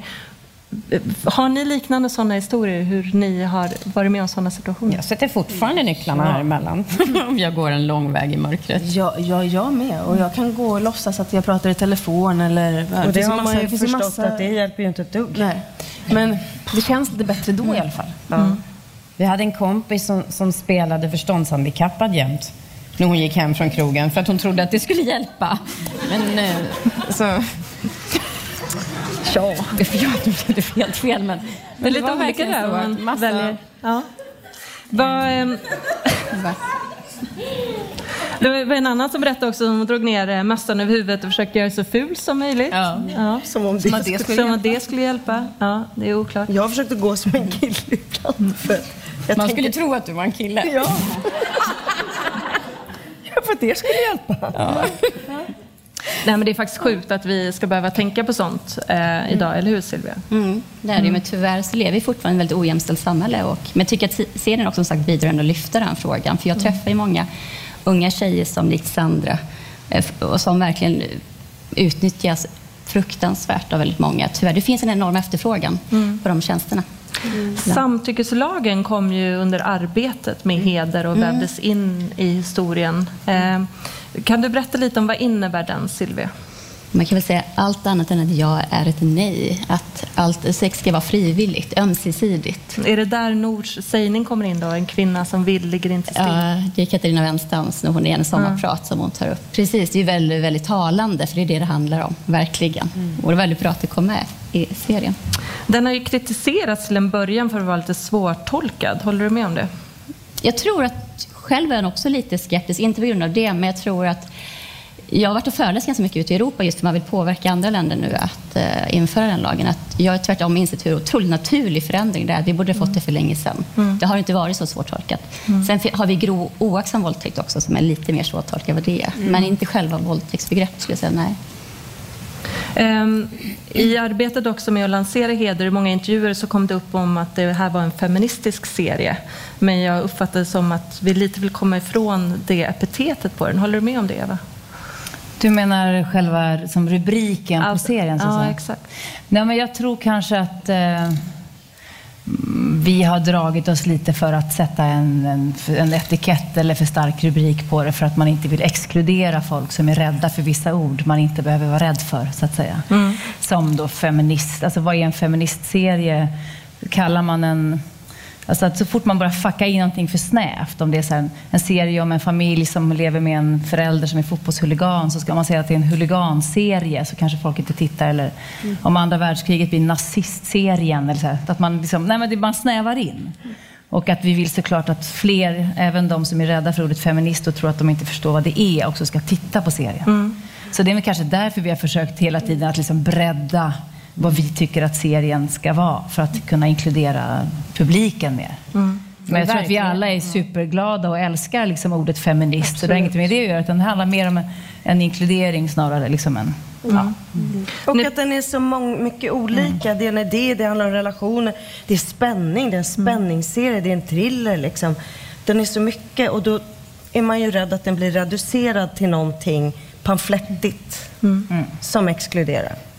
Ni pratar lite i Hederpodden också om att- det, det, det finns en oro för att det kanske finns de som kommer tycka att det handlar bara om väldigt arga kvinnor som förhöjer någon slags problematik och att den inte är så illa som den ser ut. Eh, hur ser ni på det? Jag tycker snarare tvärtom. Jag tycker verkligen att vi har jobbat ner det för att göra det tillgängligt, för att inte göra det så fruktansvärt som det faktiskt kan vara och är. Så är det ju ganska light, måste jag säga, än om vi hade gjort en diskbänksrealism, djupgrävning i prostitution och porr och eh, Ja, vad hade allt. hänt om ni hade lagt in en högre växel? Um, det beror ju på vilket, på vilket sätt och på vilket plan man lägger in det. Men jag tycker att eh, man skulle kunna provocera mycket mer. Men man vill inte heller förlora det som är vår, vårt gebit, liksom, eh, Sofia, också. Att det, är våra, det är det här fiktionen, sagan, berättelsen samlas framför brasan ihop, fast det är Netflix då, eller eh, Viaplay, eller man samlas tillsammans och tittar på någonting som är en saga om vår verklighet. Så att det är ju, det är ju våran eh, specialitet. Ja, och sen så faktiskt. finns det ju någonting som är svårt när man, när man, har, när man har de här allvarliga ämnena. Så min erfarenhet av mitt liv när det varit som svartast, jag kunnat skratta trots allt. Att inte tappa spänsten uppåt i att det finns en humor, i att det finns en, en lust, en brinnande kraft. För det är så lätt när, man, när jag läser på väldigt mycket om det här så kan jag bli väldigt arg. Jag känner att jag är så arg så att jag vill förändra världen genom att skrika. Och jag tror att man skapar förändring genom att, att, att göra den här paletten större. Att, att blanda den med lite skratt, lite humor, men inte lighta upp ämnet. Det är den konsten, det är den spännvidden som vi har verkligen försökt nå. Alltså Silvia, du jobbar ju med de här tunga ämnena Mm. dagligen. Vad är din drivkraft för att orka med?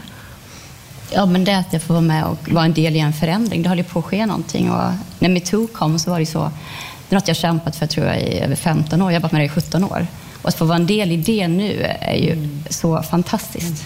Det är ju tragiskt att vi inte har kommit längre, men jag är väldigt glad. Och det är min drivkraft, att se, att hjälpa de som utsätts. Att jag så, man kan märka att man på, på vägen så såg man ett frö, att kanske att de känner att de kommer kunna få ett bättre liv. De kommer kunna gå vidare för det traumat de är utsatta för. Men får jag fråga en sak? Vad gör ni när ni företräder någon som ni vet eh, har utsatts för ett brott? Men sen få, lyckas man inte få liksom, förövaren fälld på grund av någon brist, liksom ett bristande bevis eller att någonting inte har gått rätt till eh, när man samlar in eh, bevis till exempel. Alltså olika sådana här paragrafhål som man har fallit i. Så du sitter, ni sitter och vet att hen är en förövare, kanske en han. Men, men ja, kan vara, kan vara. Nej, men att, men att ni vet och ni, får, ni kan inte hjälpa er klient. Vad fan gör ni då? Alltså hur, hur känns det? Vad gör man då? Det är tyvärr så att det är mer vanligt vet, än eller, ja. att de blir fällda. Men man jobbar ju med klienten att det handlar mycket om att stå upp för sig själv, att anmäla. Många anmäler faktiskt inte för att misstänkta ska bli fällda, utan bara för att de ska stå upp för sig själva, att personen ska bli kallad på förhör och att de inte ska utsätta någon annan igen. Det är faktiskt, har jag märkt, mycket, mycket mer nu vanligt att man upplever det, för man vet om att det kan vara väldigt svårt att bevisa, för det handlar inte faktiskt vad som har hänt, utan vad man kan bevisa. Mm. Det är det som är problemet. Det var det jag menade med fallgroparna, att men man- man pratar ju med klienten, man förbereder klienten, man pratar om det. Så Jo, men hur mår du då, när du vet att han sitter där och har gjort det? Alltså, vad... Jag är så yrkesskadad, alltså jag måste vara professionell så jag går inte in känslomässigt i det. Men om jag själv blir så att någon jag känner. För jag, måste ju, jag kan ju inte ta in mina... För jag ska vara så bra ombud som möjligt. Så måste jag ju kunna vara så professionell som möjligt också. Jo, men skulle du kunna gå över en gräns? Som någon i heder. Ja, men Kan vara liksom- med, jag kan Skulle du kunna heder. göra så kvinnorna i Ja, men liksom skulle, nej, men förstår du? Skulle du kunna göra då som Elin och liksom sumpar alla hjul på en bil? Alltså, jag vet att du inte kan svara det för att du sitter här bland folk, men om du, om du pratar åt en vän, du snackar åt en kompis, alltså, skulle Nej, man... men jag är ju människa såklart. Det är klart jag skulle... Det är det som är så intressant just att jobba med det här också. Det är det som är så intressant med er. Att Ja. ni faktiskt, det är inte de perfekta kvinnorna. Det finns saker som händer. Det visar att alla kan begå brott i viss, under vissa Ja. förutsättningar. Det skulle jag också kunna göra, absolut. Så naiv är jag inte. Utan jag tror, det kan jag. Och det är klart att jag kan känna. Jag är själv en väldigt nära vän som blivit utsatt för ett väldigt allvarligt brott nyligen. Och jag har känt alla primitiva känslor då. Ja, det har jag. Men jag har inte gått... Nej. Jag har inte gjort något så. vad, vad, vad, Gör, vad gör du av allting? Vad gör du av din frustration eller ilska? Det är inte varje dag man klarar av att vara lite lustig och rolig med det. Eh, men bra fråga. Men jag är gift med en försvarsadvokat och vi pratar mycket. Det, och sen så får jag ut det tror jag, i rätten, så som Nor får ut det när hon ställer frågor. Alltså man får ut det i vissa förhör. I retoriken, liksom. Japp. Och, eh, ja. Men Sylvia, jag tror att en, en thrillerserie som Heder kan hjälpa till att påverka på något sätt och skapa förändring. Absolut, verkligen. Och just det där med att ändå... För att jag tyckte det var befriande när jag läste manuset just att det är så olika, att de här karaktärerna, att det är mer, kvinnor får vara människor en gång, inte bara kuttesmycken, utan verkligen olika och inte perfekta. Och sen många tror jag också kanske kommer våga anmäla med att man känner igen sig i Sandra, att man inser att de inte är ensamma. Det är så otroligt mycket skam och skuld att bli utsatt på det här sättet och kanske också då själv valt att man blir en del, att man utnyttjas i prostitution. Och det, jag tror att det, den här serien gör att många kanske kommer faktiskt våga att inse, söka hjälp eller man anmäler. Man kan göra olika. Alla behöver inte anmäla, men man kan. Vi har ju Ja. fått privata brev från, Ja. från prostituerade kvinnor Mm. som också skriver det. Mm. Jag tror verkligen det. Och det är ju samma med hela metoo. Alltså, om man börjar med metoo är ju någonting mer i det, i det kanske, eh, in, inte där man tar betalt eh, för sex, men, eller får betalt för att bli köpt. Men eh, det finns ju saker som vi blivit utsatta för i vår bransch och, och säkert i andra. Om, om metoo hade varit när jag blev det, då hade jag anmält. För då hade jag vetat det. Det här, är- och där är ju heder en del i allt det. Att just det, man kan ju, jag kanske kan gå dit eller jag kanske kan berätta det här för någon och, och ta mig vidare.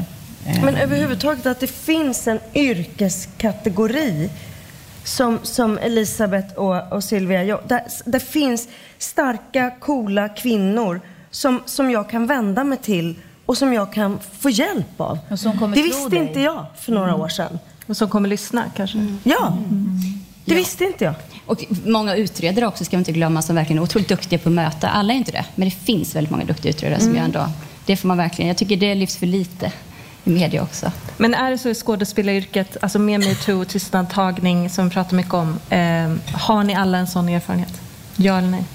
Ja. Ja. Ja. Absolut. Och på vilket sätt har det förändrats nu tror ni? Nu är, man, nu är vi samlade. Det är min upplevelse i alla fall. Vi står samlade. Man kan Eh, liksom- Jag kan ringa en, en syster. Jag kan ringa vilken kollega som helst. Och det är inte så här, ja men lös det. Nej men nu måste du gå vidare, nu är det snart premiär. Utan nu är det så här, vänta. Och jag, även bröder. Liksom. Det är vi alla samlade kring att det här är ett brott. Det är inte bara någonting som man ska lösa för att gå till premiär eller ha, nej, filma vidare. Utan det är ett brott. Att man lyssnar också stoppas. på de små signalerna. Det måste inte vara en, ett jättegrovt övertramp att jag ska reagera och säga vänta lite, här gick min gräns, det där kändes inget bra. Ehm, och där tror jag också en stor skillnad är att vi kan sätta stopp tidigare för att vi vet vad som är okej och inte på ett annat sätt idag. Julia, du har ju varit eh, väldigt öppen och eh, stått långt fram i ledet och pratat om dina erfarenheter. Finns det någon baksida av att våga berätta? Ja, alltså, i, I mitt fall så är ju baksidan att jag vill ju inte, jag, det som tar emot är att jag ska, kanske skadar en annan person som blir offentligt hängd. Det hade varit mycket bättre att lösa det internt. Och det var ju det stora steget att ta. Och det var ju jävligt oskönt. Och eh, kostade jättemycket eh, energi och framförallt så upplevde jag att, att den, för mig var, var varje litet ord så väldigt viktigt, för det var varken mer eller mindre än det som jag sa. Och så fort de orden började förvanskas, så att jag eh, var li, livrädd för en specifik person. Nej, jag, jag var rädd för att jag var rädd för en historik. Alltså det, det finns många schatteringar och att se sina ord smällas upp på tidningar, det, är, det tar energi. Det är ingenting som jag skulle rekommendera eh, kanske... Dagligdags. nej, för det, det, och, och där har jag ett extremt starkt skyddsnät. Jag har också en röst och jag har ett språk. Jag har så jävla bra förutsättningar och ändå så är det så pass tufft. Stort. Eh, Jag tänkte, Silvia, du ska få en, en liten paus. Jag tackar dig otroligt mycket för din medverkan och så tar vi några ord till med dig tycker jag, Eva.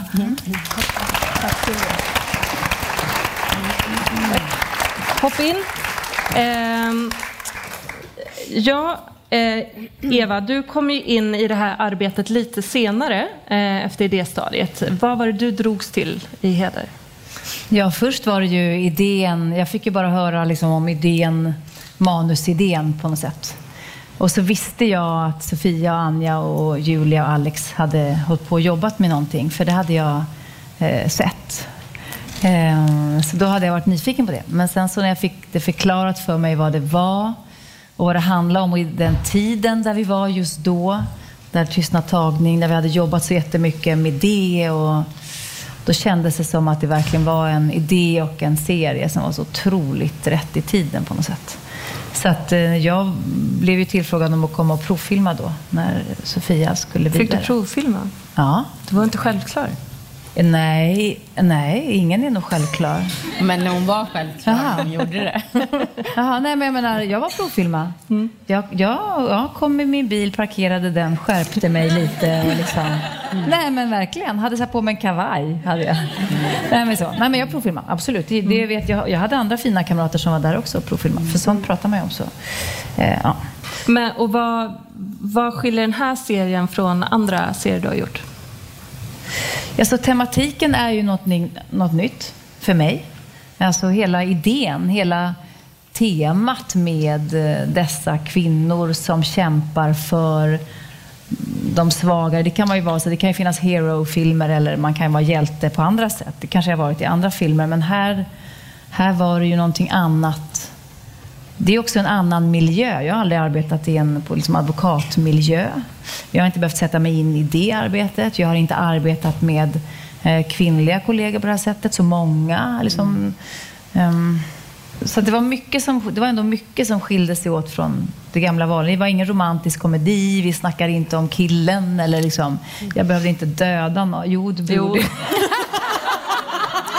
Eh, Ja, jag dödade någon. Ja, nej, men liksom, det, var, det var ändå lite annat. Liksom. Mm, Ja, men du förstår, grund, grunden var ju någonting helt nytt. Det var helt nytt med Sofias idé. Och liksom, Men ni är ju väldigt, väldigt starka multitalanger som har gjort det här tillsammans. Var, var det här samarbetet helt friktionsfritt? Helt. Eh, Nej, givetvis inte. Ja. Nej, men såklart inte. Det är det ju aldrig förhoppningsvis om man jobbar liksom i en kreativ miljö. Man tycker olika om saker. Ehm, Vad, nu- har, vad har ni fått tumma på? Kommer ni ihåg någonting som ni har fått ge vika för? Nej, men nu, jag, eftersom jag kom in lite senare så har jag ju inte bråkat med mina kompisar om, själv, om handling eller liksom plott eller så här som man kanske... Man kan, det kan man ju ha väldigt starka åsikter om, hur, vad man vill att någonting ska dras åt vilket håll. Nu har vi ju sett liksom med våra... Jag har ju kommit in med karaktären i manus och så vidare. Så att jag, jag, det har inte varit jättestora saker för då håller man på med sin roll. Men däremot tror jag att det kan vara, man längtar efter att jobba ihop och sen har man sån respekt för varandra och så känner vi varandra men alla känner inte varandra super, alltså vi har olika relationer till varandra. Det är inte så att det är så här BFF som åker till, liksom, på resa och åker skidor. Så, vi har känt varandra jättelänge men på olika sätt. Det betyder att man är kompis men, och vi har inte jobbat så mycket. Så plötsligt ska vi jobba ihop. Och då kommer ju alla med sin erfarenhet av att vara en yrkesarbetande skådespelerska. Och hur jobbar du? Jag har ingen aning. Hur fan jobbar du? Vi vet ju, eller jag vet inte hur, vi vet inte hur vi jobbar. Och så tar man väldigt mycket hänsyn och så vill man visa respekt för varandra. Och så kan jag ibland känna, vilket var ju ganska fint och mänskligt, men att vi nästan började visa för mycket respekt för Vi var varandra. blyga för varandra i början. Att man liksom, och jag menar inte att det är en konflikt, men det blir en kreativ nästan Konflikt. en hämning. Att man liksom, man vill inte gå in, man vill ju inte vara alfahannen som går in och bresar när man har sina kamrater. Så hur kan man gå in och vara sin fulla potential när man är så noga med att inte köra över någon? Det här tror inte jag vi ens hunnit prata om, men det är ju väldigt Vi pratade lite om det där, men liksom- att vi var så, att det var nästan att, lite så här i Att första man ville liksom hela tiden att de andra skulle få chans. det blir lite terapisamtal här. Nej, det är det inte. Utan det här är ganska eh, tydligt. Men, det är ganska, men jag tycker att det är spännande. För det är jävligt mänskligt och det är jävligt fint. Men det kan också vara, det behöver inte vara en konflikt, men det kan också vara något som man Måste, där måste man också våga kliva in fast man är med sina kvinnliga kamrater. Ja, men det är också skillnad därför att eh, jag kommer ihåg när vi skulle göra vår första scen ihop i Gåsmamman. Då hände en sån liknande grej. Vi ska bråka i en sjukhuskorridor. Nu ringer min Ja, mamma tar, ja, det var det. Så hon får vänta. Nej, men... och, och, och, och, så kommer, och vi skulle bråka och de här rollerna är liksom eh, så här mot varandra. Och så sa vi bara, men är det här okej? För Ja, du skulle knuffa undan mig. Du är i sorg. Din man har dött och, jag ska komma där och göra Kattis, den här jobbiga personen. Och du ska bara, men fan låt mig vara. Och så, för vi hade spelat så lite kvinna mot kvinna på film. På teatern gör man ju det mycket. Men som, liksom, så att vi var så här, ja men det är okej, eller hur? För de känner varandra Det var bra. Det var egentligen lite samma sak eh, här. Du och jag rök ju ihop väldigt Ja. tidigt för att jag bara, men det är väl, det är väl sekundärt, det är inte viktigt. Och du bara, det är jag Nej, som ska gå. Du uttryckte dig så här. Du sa så här, nej men då syns ju inte min roll om du står där. Och du menade ju inte så. Nej, nej, Utan, precis. och jag bara, vad fan säger du? Ska jag flytta mig för att du ska synas? och du bara, nej förlåt, förlåt, förlåt, jag menar inte så. Där rök vi ihop. Men, men apropå det som du frågade, fick man ge vika på någonting konstnärligt? Ja, namnet Heder då. Ja. Vad Nej, ville du heta då? Jag hade inga förslag. Jag bara tyckte att det där var, det där var ju lite platt, tänkte jag. Tänkte du? Ja. Sen ändrade jag mig, men från början så var det så här, nej, heder Tyckte ja. inte att det var coolt på engelska? Det var det. Alltså, så- Jag älskade heder redan från början. Ja, du vann. Vem, Ja, vem, Sofia, du gillade också heder Ja. från början. Mm. Ni vann. Vi vann. Jag tyckte i hemlighet att det var töntigt. men Gänget. Men vad tror jag tyckte om namnet Gåsmamma när jag hörde första gången? Man, man får ju Det avkall växer lite- på en Ja. vissa namn. Men eh, jag då som kan eh, min slager är ju väldigt intresserad av det här Carola-spåret som finns rakt igenom i Heder. Eh, var kom den ifrån? Den kom från årtalet. Jo, men var det så givet? Satt ni och googlade så här, vad finns Ja. från album från 1991? Det gjorde vi. Nej. Det gjorde vi. Jo, det gjorde vi. Varför skrattar du åt det? Vi gjorde det. Ja, det finns hur många som helst. Marcus Ja, men- Larsson, hur många finns det som kom 91? Var sitter du? Ja, han vill har inte ge sig till känna. Han har gått. Va? Nej, okej, du är inte här. Det finns ju jäkligt många album som kommer 1991, eller hur? Flera Carola sa du. Ja, precis. Men det är inga som gjorde sånt enormt avtryck. Nej. Nej men det sk- skulle ju vara något som liksom alla känner till och som var lite sådär, ja men som hade, det hade liksom en folksjäl i sig. Ja. Och Nor säger det, det är genomgående. Det, det kommer lite ledtrådar, det kommer lite hotfulla med, meddelanden, inleder hela säsongen eh, med där. Och Nor säger då, så, men kan inte din, din Carola? Du kan väl din Carola? Du kan väl din Carola? Så nu tänkte jag, så här, vi lättar upp stämningen lite här på slutet och kollar, kan ni eran Carola? På vilka, så ska vi få ta ton? Eh, om man vill. För då vill jag gärna. Om Ska man jag vill får man jättegärna ta Nej, ton. nej, nej, Eh, jag tänkte att jag börjar med dig Anja. Ja. Kan du säga de första låtraderna i Fångad av en stormvind? Det kan jag. Ja, fan, jag som älskade Carola. Skit också. Eh, alltså den första i, vad heter det, refrängen? Nej. Hela texten. Nej, början på Ja, låten. jag har aldrig slutat tro att efter varje natt väntar gryningen. Diu, diu. Wow. Men, ja, någonting. Hon kan! Ja. Poäng till Anja kan vi säga. Eh, Julia. Ja. Du, alltså Julia träffade ju Carola Ja. för några veckor sedan.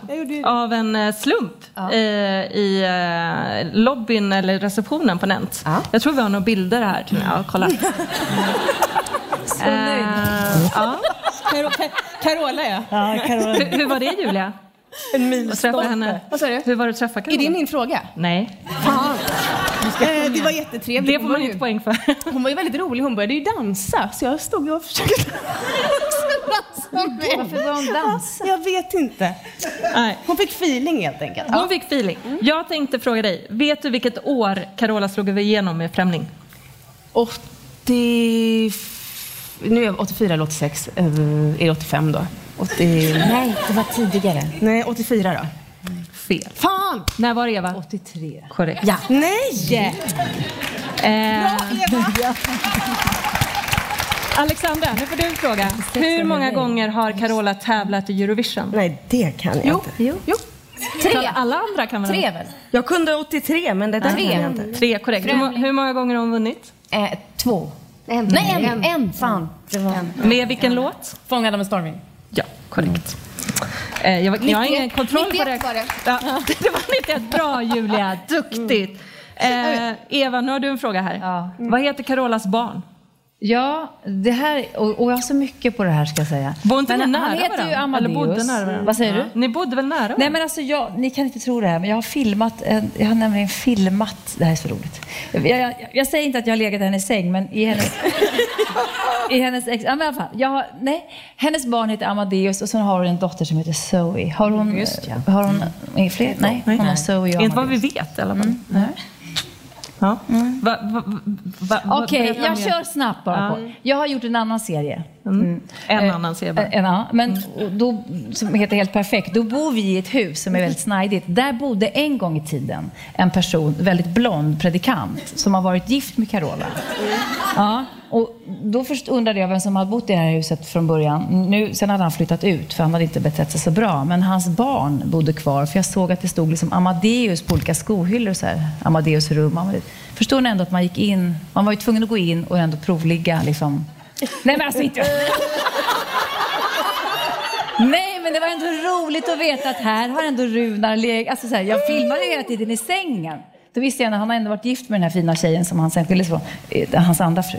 Men så att på något sätt har jag ändå liksom... jag har varit inne i Amadeus rum så här. Var det i det huset som han sköt rådjuret? Nej, Nej.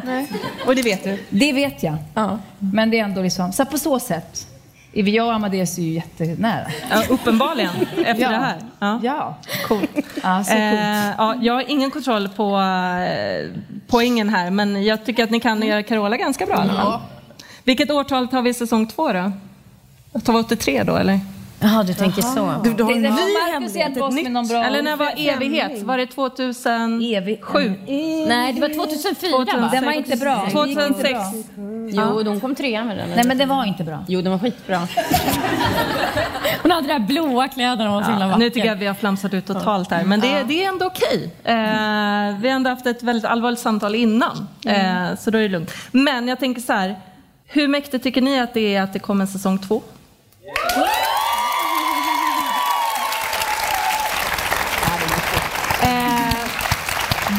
kommer, nu undrar man ju så här, okej vi kommer ju få vänta ett tag på säsong två för de ska spela in den och sådär. Eh, men vad, vad kan vi förvänta oss? Vad kommer hända? Vad, hur utvecklas era karaktärer?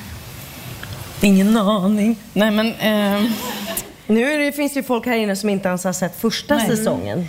Man, man, det, det Så nu går är- vi på en tunn linje Ja, här. vi, man kan inte säga så mycket, men man kan säga att man har ju en del att ta hand om. Ja. Kan man säga. Kan man säga. Så man kan känna, "Pff, varför gjorde vi? Det finns en del cliffhangers. Ja, och nej, det där måste man ju ta hand om. Mm. Vi Så har lite säga. att göra. Vi har liksom googlat hur lång tid tar det innan en kropp helt har brunnit tja. Zip it. Vi har googlat det. Jag, jag kom så sent, jag visste inte. Tjörs. Det Det finns de som inte har sett slutet. Jaha. Eh, det finns de som inte har sett serien och vi tänker så här, Och vad gör ni då här? Ja, vi vill ju verkligen att ni ska skynda er hem nu så att ni hinner se premiären av Heder på TV3 klockan 21. Så därför måste vi liksom runda av nu så att ni hinner rusa hem eh, med allt det här med er som är ett helt annat mervärde när ni nu tittar på serien. Man kan gärna se om den också via Play eller på TV3. Det går jättebra. Hur många gånger som helst. Hur många gånger som helst. Eh, tusen tack alla för att ni kom hit, för att ni kom hit och upp alla på scenen som har medverkat. Då. Tack dig,